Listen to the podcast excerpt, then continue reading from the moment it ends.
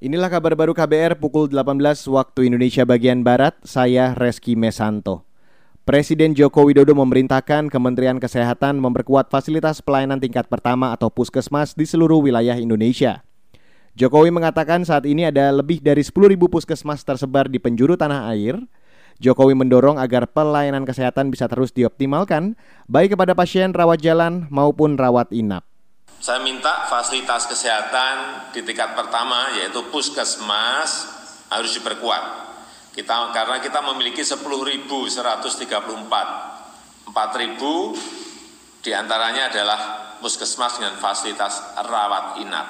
Selain itu juga ada 4.883 dokter praktek keluarga ditambah dengan klinik-klinik Pratama yang selama ini melayani JKN. Ini betul-betul perlu diefektifkan Presiden Joko Widodo menambahkan klinik kesehatan hingga praktek dokter mandiri juga bisa diperkuat untuk menjadi simpul pengujian hingga penelusuran kasus COVID-19.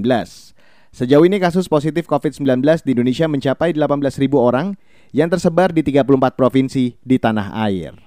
Beralih ke kabar selanjutnya, Lembaga Bantuan Hukum atau LBH Jakarta mempertanyakan bantuan hukum yang diberikan institusi Polri kepada terdakwa pelaku penyerangan terhadap Novel Baswedan.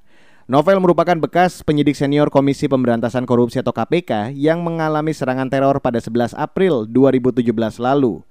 Direktur LBH Jakarta Arif Maulana mengatakan bantuan hukum dari institusi hanya boleh diberikan bila mana anggota institusi itu sedang dalam tugas. Sedangkan bila aparat terjerat hukum saat tidak sedang bertugas, maka tidak layak mendapat bantuan hukum dari institusinya.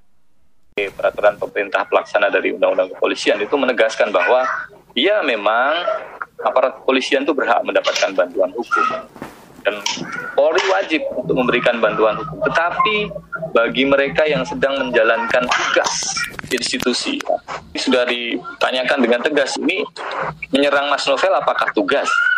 Direktur LBH Jakarta Arif Maulana menjelaskan dalam peran sebagai abdi negara, tugas Polri seharusnya memberikan rasa aman, melayani dan mengayomi masyarakat.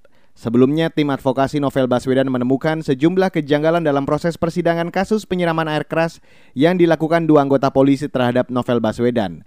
Kejanggalan-kejanggalan tersebut di antaranya majelis hakim terkesan pasif, dakwaan jaksa yang menutup pengungkapan aktor intelektual hingga pendampingan hukum dari Polri bagi kedua pelaku. Saudara, indeks harga saham gabungan atau IHSG di Bursa Efek Indonesia pada awal pekan ini menguat tipis seiring naiknya bursa saham di kawasan Asia. IHSG ditutup menguat 3,45 poin atau 0,08 persen ke posisi 4.511,06. Sementara kelompok 45 saham unggulan atau indeks LQ45 bergerak naik 3,37 poin atau 0,51 persen menjadi 660,47. Penutupan IASG diiringi aksi jual saham oleh investor asing yang ditunjukkan dengan jumlah jual bersih asing sebesar 669,39 miliar rupiah. Sementara itu bursa saham regional Asia sore ini menguat seperti indeks Nikkei Jepang, indeks Hang Seng Hong Kong dan indeks Straits Times Singapura.